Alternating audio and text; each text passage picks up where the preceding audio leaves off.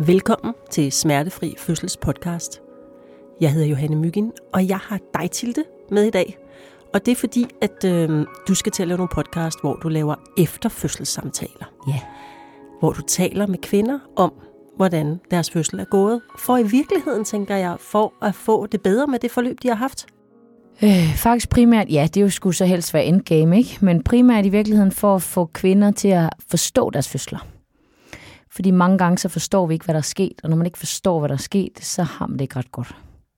Nej, og det er faktisk også derfor, jeg har taget dig i studiet i dag, fordi at min tanke var, at selvom vi hedder smertefri fødsel, så har vi jo trods alt en masse kursister, der kommer ud med nogle fødsler, som ikke var den der vidunderlige følelse af empowerment og forløsning, som fødsler også kan være. Ja. Altså, det vil jeg sige, det er min egen personlige erfaring, og vi har hørt rigtig mange herinde i podcasten fortælle om sådan nogle fødsler, men vi har også hørt dem, der fortæller det modsatte.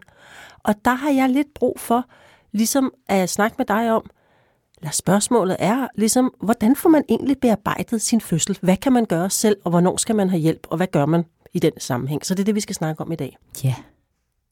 Altså, så vidt jeg har forstået, så er en efterfødselssamtale ikke sådan en del af det normale fødselsforløb inde på et hospital. Så det er ikke sådan noget, man bare kan få. Jamen, det er det faktisk. Det er det faktisk. Så øhm, jeg er jo stadig en vorhar i det her øh, fødesystem, så jeg har jo øh, små 15 års erfaring. Men dengang jeg startede med at være jordmor, øhm, der var det et tilbud. Altså, var det simpelthen en del af, af, af fødselstilbuddet, at man gik i jordmokonstitution, man fik øh, fødselsforberedelse, man blev klædt for så vidt bedre på, end man gør i dag, men man havde i hvert fald fødselsforberedelse.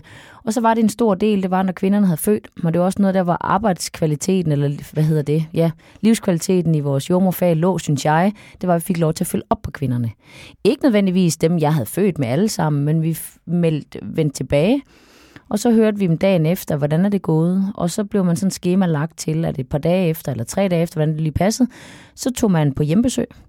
Og så øh, talte man fødslerne igennem og lige så til baby, og så derefter kom sundhedsplejersken. Øhm, så der fik man faktisk indblik i, hvad var kvindernes oplevelse. Men sådan er det ikke mere. Nej, sådan er det ikke mere. Det betyder ikke, at man ikke har øh, øh, krav på, eller ikke har ret til en efterfølgende samtale, men man skal bare spørge efter den. Jeg kan huske, dengang det blev skåret frem. Altså, øh, vi begyndte jo at skære øh, i min tid som jordmor sådan ret tydeligt ned i forskellige ydelser. Og det første, jeg kan huske, vi havde sådan et personale møde om, eller sådan et hospitalsmøde om, det var dem, der føder normalt.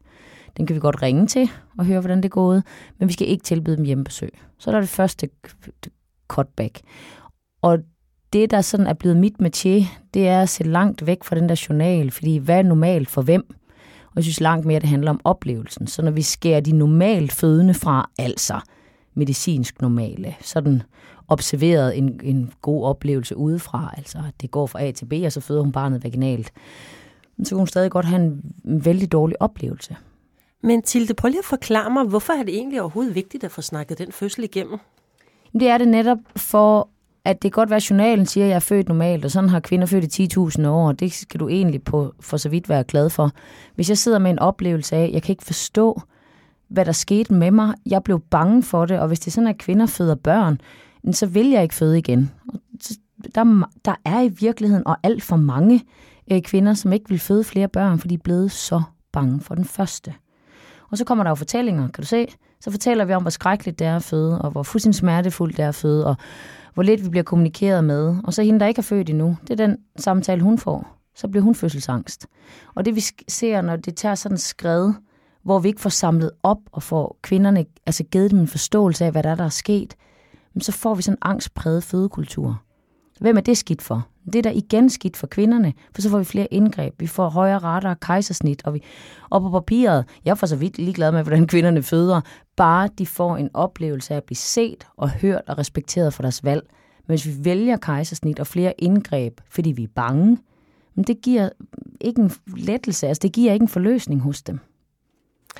Men altså, hvis nu man sidder der uden, ude i de, med en baby ved brystet og faktisk ja. har haft en fødsel, der på en eller anden måde har været svær. Det kan være, den har været endt i kejsersnit. Det kan også ja. bare være, at man havde et V-drop, der gjorde utrolig ondt. Og det kan også godt bare være, at det kom bag på en, hvor ondt det faktisk gjorde, eller ja. hvor magtesløs, eller i fødselens vold man var. Ja. Hvad? Nu, nu kommer der ikke en sød tilde hjem til dig mere. Nej. Hvad gør man så? Hvad vil, dit, hvad vil din bedste råd være til en kvinde, der ligesom skal have bearbejdet sin fødsel, enten så hun ligesom kan lukke det kapitel i sit liv, eller så hun på et eller andet tidspunkt måske kan få sig en baby til? Man kan i hvert fald starte med at vide, at, at fødslen øh, øh, åbner vores krop, altså vores krop og vores sind står fuldstændig åben, altså fuldstændig sårbart, når vi har født børn. Så det med, når man lige har født, det er faktisk i virkeligheden de færreste, der lander i en dyb lykkerus og ro og tid og øh, øh, ja, I ved, lander i sådan en bunke vat. De fleste af os står ret sårbart lige bagefter. Ja, det er ikke så godt. Og det er sådan lidt PTSD-agtigt lige at føde et barn, selvom man måske har en god oplevelse. Så accepten af, at for langt de fleste kvinder, så er det voldsomt. Det er voldsomt, når kroppen åbner sig på den ene eller den anden måde, så den skal have tid til at lukke sig. Så ikke, at man skal sidde nu og vente et år på, at det bliver bedre, for det synes jeg faktisk ikke. Men man skal lige give sig selv den accept af og viden om, alle sådan er rimelig medtaget lige efter fødslen. Så ro på der. Og når der så er gået, synes man skal give det en 4, 5, 6 uger, synes jeg. Okay, mindre så man græder, længe. og alt er voldsomt, og alt er mørkt, og alt er forfærdeligt. Hvis man har sådan en oplevelse af, at nervesystemet står og baller lidt, så giv det lige en 4-6 uger, og så synes jeg, man skal tage sig selv alvorligt. Jeg synes faktisk i virkeligheden måske ikke, man behøver at starte med at læse sin journal, hvor der står, hvor alt normalt det har været, eller hvor alt kompliceret det har været. Jeg synes, man skal prøve at gå ind og skal mærke efter. Er der noget i den her fødsel, jeg ikke forstår? Er det der, den ligger? Hvordan føler jeg? Hvad er det, jeg har? Er jeg ked af det? Er jeg vred? Øh, er jeg frustreret? Og så gå bag den følelse. Og det er jo meget arbejde selv, og det er sådan lige en hjernevrider. Men lige sætte sig ned med en kop te, og så mærke, hvad er det egentlig? Hvilke følelser er det, jeg har omkring den her fødsel? Og skal man gøre det alene, eller skal man gøre det med sin partner, eller hvor er man henne? Jeg synes, man er nødt til, altså nu, nu spørger jeg jo mig, jeg synes, man er nødt til lige at, at starte med lige at vende blikket indad med sig selv. Lige uden alt mulig larm. I ved, I, vi har jo aldrig haft så mange råd i vores samfund, og vi har aldrig haft så meget påvirkning udefra. Hvad burde man, hvad burde man ikke, og hvordan ser det ud? Prøv lige at vende den indad, luk lige ørerne, og så mærk, hvordan har du det? Er du ked af det? Er du vred? Er du? Og så kom bag den følelse, og så finde ud af, hvis jeg er vred, hvorfor er jeg vred? Er der nogen, der gjorde noget ved mig, jeg ikke var klar på? Eller var der nogen, der kommunikerede dårligt med mig? Eller så man lige finder hoved og hale i det, hvis det giver mening. Øh, er jeg meget ked af det? Hvad er det, jeg er ked af? Er jeg ked af, at jeg ikke følte noget efter fødslen? Eller er jeg sorgfuld over det endelige kejsersnit? Eller så følelsen skal man have detekteret. For derefter synes jeg, man skal gå i fødslen og prøve, prøve at starte med at tænke fødslen igennem. Du stod der, det synes jeg faktisk er et ret konkret redskab at starte med. Det betyder ikke, at man ikke skal række ud efter hjælp. Men nu sidder du lige hjemme i din toværelses lejlighed med barnet ved brystet, og man synes lige, det er overvældende. Så prøv at lukke øjnene, og så prøv at se dig selv, altså kronologisk igennem fødslen. Du stod der højgravid. Hvad var dine forventninger? Du skal til at føde snart. Hvad, hvad havde du af forventninger? Sådan helt oprigtigt. Og så går du ind i den første del af fødslen. Hvordan startede min fødsel? Hvordan føltes det? Var det trygt? Var jeg utryg? Hvem var hos mig? Hvor var smertesignalet henne? Så går du videre ind i din fødsel. Mm, hvornår piker det? Altså måske på smertesignalet, eller hvornår piker det på utryghed, eller er det panik, der begynder at komme, eller hvornår, hvornår er jeg udfordret? Og så går man videre. Hvornår sker det første skifte i fødslen? Enten over i pressefasen. Hvordan var det? Eller det første skifte ind i, så begyndte de at snakke om sugekop, eller der sker det skifte med V-droppet. Altså, hvornår sker det første skifte, og hvordan føles det? Hvem er i lokalet hos mig? Er jeg alene? Er jeg utryg? Er jeg tryg? Hvordan har jeg det her? Nu kommer barnet ud, altså helt dertil. Er det ved kejsersnittet? Mærker du barnet komme ud? Mærker du, lægen trykker på dig? Eller når du går over og presser, hvis det er der, du ender, har du overhovedet presse ved? Forstår du, hvad jordmoren siger til dig? Hvordan føles det at presse det der hoved ud? Får du baby op til dig? Hvordan føles det? Så prøv sådan at tage den helt ned på jorden. Hvor meget husker du? Hvor mange billeder kan du få på? Hvor mange følelser kan du få ind i det? Og så kan du begynde at skille det ad. Så vil der være steder, du ikke forstår. Der vil være steder, du måske ikke kan huske. Og der kan man så enten række ud til hospitalet og sige, at jeg har brug for en efterfølgelsessamtale. Der skal man forvente, at man får en journal gennemgang. Det her skete klokken det der. Så skete det her. Så kom du ind. Så gjorde vi sådan her. Det styrken ved en journal gennemgang, hvor den ligger henne, det er, at man får genskabt en hukommelse, man måske ikke har. Ja. Så hvis der er steder... Men jeg husker det, fordi jeg kan nemlig huske at sidde og kigge på min egen journal med en jordmor. Ja. Nej, jeg kan faktisk huske, at jeg downloadede den. Jeg er jo sådan en journalist-akademiker-type, ja. ikke? Så selvfølgelig sad jeg og læste den. Den er relativt svær at forstå, det vil jeg lige advare om. Ja, det er den. Så, så enten så gør man som dig, så henter man den ned på sundhed.dk, og så læser man den selv igennem. Det jeg gerne vil sige, det er, at hvis der er steder, du ikke kan huske i fødslen, så er det fuldstændig forventeligt. Men hvis man ikke kan huske, så har man heller ingen minder, og det kan godt være lidt sorgfuldt. Så det, sådan en, en læsning kan gøre, det er, at det kan genskabe enten fødselsfortællingen eller hukommelsen kommer tilbage. Og hvis du ikke forstår din journal, så skal du række ud til jordmoren. Det du, altså, jeg synes, det handler også om forventningsafstemme. Forvent, at det bliver endnu en journal gennemgang, men hvor hun oversætter. Hmm. Går du fra den efterfødselssamtale, og ikke har det bedre, du har det ikke anderledes, følelserne er stadig de samme, så synes jeg, du skal række ud og få en efterfødselssamtale hos en, som arbejder professionelt med det. Så det, det, du, mening. det du faktisk siger, det er, ja, vi har ret til en efterfødselssamtale ja. på hospitalet. Forvent ikke for meget. Nej, nej, nej. Fordi det kan være fuldstændig forløsende for den enkelte kvinde at få det gennemgået fra A til Z. Det kan være, hun går derfra og tænker, nu er jeg lettet, nu kan jeg huske. Nå, det var derfor, de gjorde sådan der. Ah, nu forstår jeg bedre. Så hun skal forvente det hele. Hun går lettet derfra. Så du skal have følelsen bagefter. Hvordan har jeg det nu? For for nogen er det nok, og for andre, de skal ned under følelsen af det, hvis man ikke bliver set og hørt og kommunikeret med. Og der er en, der skal være dygtig til at skille følelserne ad og sætte det på plads igen. Er der sådan en, altså den efterfødselssamtale, man får, bestræber hospitalet sig for, at det bliver med den jordmor, man født med? Øh, jeg må være lidt svar skyld. Jeg tror det ikke. Altså, det er lidt en gissning. Altså, lidt hvad jeg hører, det er, at du får den jordmor der til rådighed. Men så hører jeg også lidt bagom, at hvis hun så er villig, den jordmor, så kan hun møde ind efter vagt, eller øh, jeg tror ikke, hospitalet bestræber sig på, at det bliver den jordmor, man er født med. Men jeg vil faktisk også sige, at det er ikke helt nødvendigt. Fordi jeg sidder med efterfødselssamtale, jeg behøver ikke at have været der. Jeg ved jo godt, hvad en fødsel er. Jeg ved godt, hvor sårbarheden ligger. Og jeg ved typisk godt, hvad det er, de er ked af. Og jeg kan godt genskabe hendes hukommelse. Så jeg behøver ikke at være til stede. Jeg får lyst til at spørge ind til nogle af de følelser, man kan have ja. efter en fødsel. Ja. Øhm, jeg oplevede og har hørt mange kvinder opleve, at de pludselig bliver konfronteret med sider af sig selv, som de faktisk bliver kede af at møde. Anja, vores øh, dejlige stifter af smertefri fødsel, hun plejer altid at sige, man føder, som man lever. Yeah. Og det er jo et smukt og utroligt dejligt, hvis man nu er sådan en, der har født stående og power og øh, været med.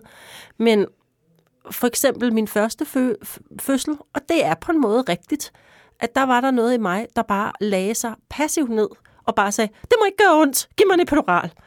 Øhm, som jeg siden faktisk havde rigtig svært ved at æde, at det var mig, ja. der havde reageret på den måde. Er jeg sådan en type? Er jeg sådan en type? Øhm, og altså man kan sige, at i mit tilfælde, der fik det så den konsekvens, at jeg, da jeg skulle føde barn nummer to og tre, var meget optaget ikke at være sådan en, en type. Og netop blandt andet forberedt mig hos smertefri fødsel og sådan noget der. Men det, så der, der blev det et, et rum til udvikling. Men jeg synes stadigvæk, at det faktisk godt kunne være hårdt at blive konfronteret med sider af sig selv, som er svaghed, af autoritetstro, eller er overdrevet kritisk sans, eller hvad man nu har. Hvad gør man med det?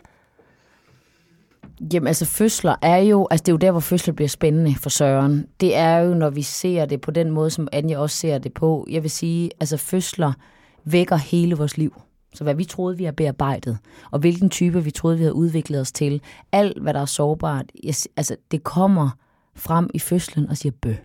Sover vi har uforløste problemer med vores forældre. Altså, det kommer jo ikke op i sådan en psykologsamtale, men vores, hele vores psyke bliver vendt på hovedet i fødslen. Og det er jo derfor, vi kan ikke sige journalmæssigt, at det er normalt eller ikke normalt. Så følelserne og journalen hænger nærmest aldrig sammen. Så hele vores liv bliver vendt på hovedet, og det er jo det, man skal tale om i en efterfødselssamtale, der er dybtegående. Det er, hvad skete der med dig? Hvad tænkte du?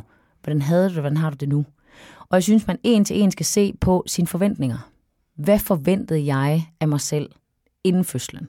Altså, man er nødt til at være ærlig. Det var ikke sådan, at alt kunne ske, og det var jeg ligeglad med. Ærligt, hvad forventede du? Og i virkeligheden også, I ved, man kan godt have sådan glemt af sig selv, inden man føder. Ikke? Det er første gang. Hvordan så man sig selv føde? Der, hvor det blev rigtig svært. Hvordan så du, hvordan synes du, man skulle se ud? Eller hvordan var din forudindtaget holdning til, hvordan man skulle se ud? Og der er tit sådan noget styrke forbundet med det. Skulle jeg være stærk, og jeg skulle holde ud. Der sker bare det modsatte i fødslerne. Så der, hvor kvinder er aller, aller stærkest, det er også det, de er allermest sårbare. Så det, jeg ser udefra, når I føder, det er der, hvor I møder muren i marternet. Det er der, hvor det bliver svært, og der ser jeg bare den kvindes styrke. Men det er ikke det, hun mærker. Hun mærker al sin sårbarhed. Ah, spændende. Ikke? Jo. Så kommer hun til mig, så siger hun, jeg føler, jeg var dårlig til at føde. Eller som du siger, så var jeg sådan en type. Men der er også styrke bag det der. Og det er fordi alt filter ryger af, og der er ikke ret mange af os, der er komfortable med at krænge vores inderste ud. Og du kan ikke føde uden at krænge dit inderste ud. Så ligger der noget sårbarhed der, så er det det, du føler, men det er ikke det, man ser. Giver det mening? Mm. Så jeg ser styrken i fødsler, fordi jeg har set så mange af dem. Det er jo for fanden der, hvor vi kæmper. Det er jo der, hvor, hvor jeg siger om mig selv, så det er jo der, jeg blev lidt pive. Det var jo der, fødslen viste sig. Og det kan man enten blive mega bange for, fordi kvindekroppen er så stærk. Hold kæ- Altså virkelig. Og det kan vi godt tænke, ej, sikke en styrke. Men det er jo det, vi kan blive forskrækket over. Det er, hvor stærk den er, og hvor hårdt den rykker afsted med os. Og ligger det på et sårbart punkt i fødslen, altså hvis jeg føler mig sårbar, der hvor den rykker allerhårdest afsted, så sidder jeg bagefter og har en oplevelse af, at jeg er dårlig til at føde. Eller har et lavt selvværd. Men det, jeg også kan tænke på, det er sådan, som, hvordan kommer man til en tilgivelse af sig selv? Jeg tror, det er ved at forstå fødslen først. Når du forstår ægte, hvad, hvad skete der i min fødsel? Hvornår skete det? Hvorfor skete det? Det der med sårbarheden. Gud, det er jo det, der kom frem. Jeg får dem tit til at finde deres mest sårbare sted. Og så bagefter, og det er jo noget kropsligt, vi skal igennem også, men så skal de også finde deres stærkeste sted. For nogen, der ligger nøjagtigt samme sted, og de har sådan en aha-oplevelse. Det er jo det, fødsler er. Det er jo sårbart og stærkt på samme tid, men det er jo sindssygt svært for menneskehjernen at få placeret. Altså, jeg har sådan en oplevelse, som jeg har nogle gange haft utrolig svært ved at placere, men som var en meget sigende Johanne Myggen oplevelse, den er fuldstændig absurd, som er, at da jeg fødte mit tredje barn, så var der, øh, jeg havde drømt om en hjemmefødsel, det var faktisk, jeg var meget investeret i den hjemmefødsel med tredje barn, jeg havde virkelig sådan, nu skulle det lykkes. Og der skete alt muligt, og jeg er inde på hospitalet, og jeg, ah, der var epidural, og der var dit, og der var dat. Og jeg, og jeg synes stadig, set i bagspejlet, at det var sgu ikke, det, det synes jeg til gengæld, det var ikke min skyld. Jeg synes, hospitalet tog og redde afsted med mig. Men så ligger jeg der med epiduralen, og så øh, sker der det for mig, at jeg på en eller anden måde forsvinder op i mit hoved. Og det ved jeg godt, at det er sådan en ting, jeg gør, når jeg er meget følelsesmæssigt kropsligt udfordret. Altså, jeg kan også tage en hel yogaklasse, hvor jeg overhovedet ikke er til stede, selvom jeg ligger i downward facing dog, eller sådan. Altså, det er sådan... Og så lige pludselig så kommer jordmoren, og så siger jeg, så, så, jeg er faktisk forpint af, at der er så mange tanker inde i mit hoved, jeg kan godt mærke det. Og så siger jeg, jeg ligger hele tiden og tænker. Og så siger hun sådan, hvad tænker du over at hade den jordmor? Det skal vi også videre med. Ja, det skal vi også. Ja. Ja. Men, og så siger jeg, og så ryger det ud af munden på mig, fordi det var den tanke, jeg havde på folkeskolesituationen i Sydhavnen. Fordi lige det var der alt muligt med, at folkeskolerne, det kvarter, jeg boede i, var for dårlige. Sådan noget. Hun kiggede på mig, som om jeg var syg i hovedet, Ja. den jordmor. Ja. Fordi, hvordan kunne jeg ligge der og føde og tænke på folkeskoler? For mig er det egentlig meget oplagt, at det er det sted, jeg går til, når jeg er allermest udfordret. Så tænker jeg på noget helt andet og meget intellektuelt og meget abstrakt. Mm, men jeg, Det fokuserer, men Ja. ikke bevidst, men mere sådan, det er jo din betingede refleks, det er, det er der, du går op for at finde ro og finde, ja, det ved jeg ikke, overskud. Og grunden til, at du kan det, og du er i stand til det, det er jo ikke, fordi du er sindssyg. Det er, fordi du har fået en epiduralblokade, der virker, så du er i gang med at føde, men der bliver ro på kroppen. Og så går du til det sted, hvor du er tryggest deroppe i hovedet. Og så begynder du at tænke, og det er der, du finder ro og jeg skammer mig over det, fordi hvordan, hvad er det for et menneske, der ligger og føder og tænker på folkeskolerne samtidig? Det er jo absurd. det er jo absurd, men vi kan ikke styre tanken på den måde. Og begynder vi at acceptere kvinder som de fulde mennesker, de er, og ikke fordi jordmoren er højst sandsynligt ikke så reflekteret, som du er i det tilfælde, tænker, hvad fanden? Men det er jo dit safe space. Det er der, hvor du går op, hvor du finder overblik, og det kan du styre, og der er noget kontrol derover. Og så er du bedøvet, så det har du lov til. Selvfølgelig. Hvorfor skulle man ligge og tænke på fødsel, når man endelig har fået sin bedøvelse? Jeg synes også, der er noget fuldstændig naturligt i, at når jeg endelig har en pause, det kunne også have været en væsvækkelse, så spacerer hjernen afsted, og så gør man alt muligt at tænke. Og det er også der, I begynder at spørge, hvordan har du det, eller hvordan har jeg det, eller hvordan har folkeskolerne i Sydhavnen det? Det er fuldstændig normalt. Det er fuldstændig normal adfærd. Så der er intet skamfuldt over det. Hun burde have sagt, gud, hvor spændende, jeg ved ikke en dyt om det, prøv at fortælle om det. Og så har du fundet ro i det. I stedet for at glo mærkeligt på det og sige, det var da underligt. Ja. Fordi så vil jeg nemlig gerne videre til nogle andre følelser, som Jeg tror, det handler om nysgerrighed, må jeg sige det? Ja. Jeg tror generelt, hvis vi er nysgerrige på andre mennesker, hvis vi er nysgerrige på, hvordan kvinder føder, sjældent, vi træder hinanden over tæerne. Fordi så er der ligesom, der er jo flere mennesker i det her fødselslokale, som man kan blive vred over, eller blive irriteret over. Ja. Og nu tager vi lige dem fra en ende af, ikke? Ja. Især i fødsel nummer tre. I do fucking hate den jordmor. Ja. Jeg hader hende stadigvæk. Jeg synes, hun var åndssvag, jeg synes, hun var sødladen, og jeg synes faktisk ikke, hun respekterede mig.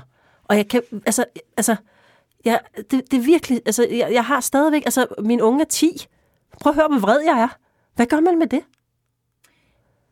Øh, der vil jeg nok, og jeg er jo altså ikke psykolog, skal jeg lige starte med at frame, men jeg synes, der er noget en til en i de her efterfølgende samtaler, som fortæller rigtig meget om vores liv generelt. Jeg vil øh, få dig længere tilbage. Kender du den følelse et andet sted fra? Når du Ja. bliver talt nedladende til, når noget sødladen påvirker dig, hvor langt tilbage i tiden kan du gå, før du møder det første gang? Giver det mening? Ja, Ja, det sker, det ved jeg ikke, det kan være en forældre, det kan være noget senere hen, det kan være i skolen, man er blevet påvirket, blevet mødt dårligt. Og når hun så en til en møder dig, hvor du ikke har noget filter, fordi du er ved at føde, og så påvirker hun dig med det, du mærkede før i tiden, så langt tilbage. Dit, det, der trigger dig allermest, det er det der. Og det møder hun dig med i fødslen. Fødsler har jo potentialet til at forløse os resten af vores liv, hvis vi er dygtige nok. Men det har jo også potentialet til at traumatisere os for resten af vores liv. Hun hænger der stadig 10 år efter. Så den efterfødselssamtale, du skulle have haft, den skulle du enten have nu, hvor man virkelig får det der på plads. Hvor man forstår sig selv. Hvad er det for en følelse, der bliver vækket i mig, når den jordmor gør det der, imens jeg er ved at føde. Og så får du op på en forståelsesramme inden for fødslen. Giver det mening? mm-hmm. Så kan du begynde sådan at tænke, gud, når det er der, jeg skal tilbage. Nå, det er jo faktisk ikke den jordmor. Det var den der folkeskolelærer, som også var en kæmpe klaphat. Eller det er din mor, jeg har et dysfunktionelt forhold til. For helvede, det var hende, jeg så i fødslen. okay, det er meget essentielt. Så kommer hadet tilbage derfra, og det planter du som det første, du kan huske, det er jordmoren. Så får hun det prædikat, det er hende, jeg hader. Mm. Jeg tror, vi skal dybere tilbage. Ja. Vi behøver ikke altid at gå så dybt, men når der ligger sådan noget stærkt had, så det kommer typisk et andet sted fra. Det er der, hvor alle fødsler, alt hvad vi har lort i bagagen, det kan godt finde på at sige bøg i fødslerne. Og så er der den helt grimme. Det var ja. Heldigvis ikke min oplevelse, men hold nu kæft, hvor har jeg faktisk hørt mange kvinder, som ud af en mundvig fortæller en historie om en partner, som ikke var, som de havde regnet med. Ja, skal du sige, forventningerne kommer ind igen. Hvordan havde, for, hvad havde jeg forventninger af mig selv? Eller til mig selv? Hvordan så jeg mig selv føde? Hvordan så jeg, hvordan, hvad var mine forventninger til min partner? Nogle ser jo en symbiose mellem partner og fødende kvinde og barn. Men vi kan altså ikke tillægge andre følelser, og vi, vi må ikke lægge over på, hvad han, hun burde have gjort. For det handler tit om mig selv. Så hvad forventede jeg af min partner? Og hvad var det, han eller hun ikke opfyldte? Eller, jeg afbrød dig. Men det er jo der, nej, det nej. ligger. Ja, okay. Man er skuffet over, at den anden ikke gjorde, som man havde forventet. Men måske havde man ikke fået forventningsafstemt. Og måske var det også en ny situation, han eller hun stod i. Eller, og det er ikke for at undskylde nogen, og det er heller ikke for at undskylde den der jordmor, som ikke opfører sig ordentligt. Men det er typisk i os selv. Hvad var det, vi havde forventet? Hvad var det, vi gik ind til den der fødsel med? Og så skal I forestille jer, hvis I ikke er født før, at alt, hvad man har af forsvarsværker og intellekt, og nå ja, nu tager vi den lige, vi venter lige en kende med at blive vred. De forsvarsværker er der ikke i fødslen. Det er jo det. Det er jo både det, der gør, at vi kan hade på et niveau, vi aldrig har oplevet før. For der er ikke noget intellekt, når vi føder. Altså på den måde, bliver ikke dum, men alt filter forsvinder. Alle følelser bliver fuldstændig rene. Og det er, ikke, det er meget, meget sjældent, vi har adgang ren til vores følelser. Mm. Så, så hvis nu man for eksempel er gået derfra med en oplevelse af, han støttede mig ikke, Mm-hmm. eller jeg var alene, det har jeg hørt mange kvinder sige. Jeg troede, vi var to. Jeg var alene. Hvad gør man så? Man skal blive ved med at leve med det her menneske, og man elsker ja, det ham jo. Man, ja, det skal, det, altså eksistentiel ensomhed, ikke? Altså der kan vi også tage den hen. Hvor føler du dig ensom hen? Altså første gang. Er det noget, du har slæbt med dig i livet? Har du generelt en følelse af ensomhed? Hvis nogen ikke gør, hvad de skal, er det så den første følelse, du får, det ensomhed? Er det så ham eller hende, der påfører dig ensomheden? Eller var der faktisk et fravær, vi skal have talt om? Hvorfor var du der ikke for mig? Og så kan han eller hun komme til ord. Jeg var der også. Jeg holdt dig i hånden. Hvad skulle jeg ellers have gjort? Mm. Det er ikke sikkert, hun har svaret på det, men jeg føler mig bare grundensom. Er det noget, jeg har i min rygsæk egentlig? Eller var der et fravær? Hvis det... Og det er jo der, hvor man skal have hele samtalen med hende, fordi man kan jo gå i 17.000 forskellige retninger. Altså hende, partneren, mener du? he- hende, der føder. Ja, okay. Ja. Fordi partner kan jo være meget forskelligt, ikke? Ja. Det kan jo være forskelligt. Øhm, så jeg tror, man meget af ens fødsel handler om forventninger inden. Og hvordan skal man forventningsafstemme, inden man går i fødslen? Det kan man jo ikke. Det er derfor, man skal arbejde med den bagefter. Hvad skete der så i virkeligheden? Og som jeg bare siger så fint, som jeg slæbt med mig igennem de her otte år, vi har været sammen, det er, er der et for stort gap imellem, et for stor kløft imellem, hvad jeg forventet, og hvad der sker i virkeligheden. Hvis det gap er for stort, der ved vi, at der opstår depression, efterfølgelsesdepressioner, frustration, afmagt, grundværdierne skrider der. Hvis vi ikke får en forståelse af, hvorfor handlede den anden, som den gjorde, hvorfor handlede jeg selv, som jeg gjorde, hvad fanden var jordmorens rolle i det her, hvordan følte jeg med baby bagefter, hvis vi ikke får det der hul, eller gap, eller kløft imellem forventninger og virkelighed minimeret, så ligger der bare sådan et stort tomrum. Kan I se, det er bare helt mørkt der i midten. Og jeg er ingenting der i midten, og der ligger frustration. Så efterfødselssamtalen skal få dig til at forstå egne reaktioner, andres reaktioner, følelse på fødslen. Også helt, vi skal også have fuldstændig på papiret, hvis der er sket et fagligt svigt. For det sker der også. Det er ikke altid kun mig. Så jeg kan faktisk godt se, og det er altså ikke noget evidens på, men jeg kan godt se, hvis det nu samme, altså der, hvor hun føler sig allersvagest, eller allermest sårbar, og der, hvor hun føler sig allermest stærk, hvis det ligger langt fra hinanden, så er det typisk noget, der er blevet os påført. Hmm, spændende. Giver det mening? Ja. Jeg er blevet behandlet dårligt. Jeg blev talt grimt til. Jeg var alene, fordi jordmoren havde ikke tid, eller lægen havde ikke tid, eller der blev lavet et, et fejlindgreb. Der opstår min svaghed. Det er der, min vrede ligger. Og så er der et helt andet sted, jeg føler mig stærk. Hmm. Så skal du gå efter det. Ja. Men ligger styrke og svaghed samme sted, for eksempel, jeg er fuldstændig pillet øh, øh, øh, hudløs i pressefasen, men det var også der, jeg kunne høre mig selv brøle. Mm. Så der var styrken også. Kan I sige, så er det mig. Så skal vi finde ud af, det er fødselens natur. Og så skal vi heller ikke være bange for at pinpointe, hvis nogen ikke har behandlet os ordentligt. Og så det, du siger også, er, at hvis man laver det her arbejde for sig selv, så kan der være et utroligt læringsarbejde i det. Ikke? Altså også i en fødsel. Altså for eksempel mit barn nummer tre. Det var ikke den, jeg havde drømt om den blide, smukke, hvide forløsning, hvor jeg fødte med armene om min eksmands hals og jordmoren, og der var musik, og der var bak og alt sådan noget der. Det blev en hospitalsfødsel, den blev helt åndssvag. Men faktisk noget af det, jeg gik ud med den derfra, det var, og jeg synes virkelig, altså, altså som du kan høre, jeg synes min jordmor var en idiot. Ja. Altså, jeg synes, hun var en Det kan også være, hun har været det. Det synes jeg virkelig, hun var. Ja. Men jeg gik ud med en meget stærk følelse, især fordi jeg fik den bearbejdet egentlig, der hed, og som jeg har brugt utrolig meget, der hedder, det er mig, der er moren. Jeg ved bedst. Jeg ved bedst for mit barn. Og i sådan en verden, som vi har i dag, hvor der er utrolig mange fagpersoner, der vil sige noget om dit barn og den måde, du opdrager det på, så er det en enorm styrke. Og det betyder også, at jeg har kunne hive fat i forskellige klasselager gennem tiderne og sige, ham her Ruben, min øh, yngste der, han er simpelthen lidt for hurtig til dansk. Har du noget udfordring for ham? Han keder sig, og hold fast. Det fik jeg med fra den fødsel, selvom den slet ikke blev den der idylliske drøm, jeg havde ønsket mig, vel? Og hvad, fødsels, hvad har fødslen at gøre med hans skolegang? Det er jo alt at gøre med det der. Havde du fået din alt omfavnende, rolig, dejlige fødsel, jeg er simpelthen nødt til at sige, det har du fået nul ud af. ah, det ved jeg ikke.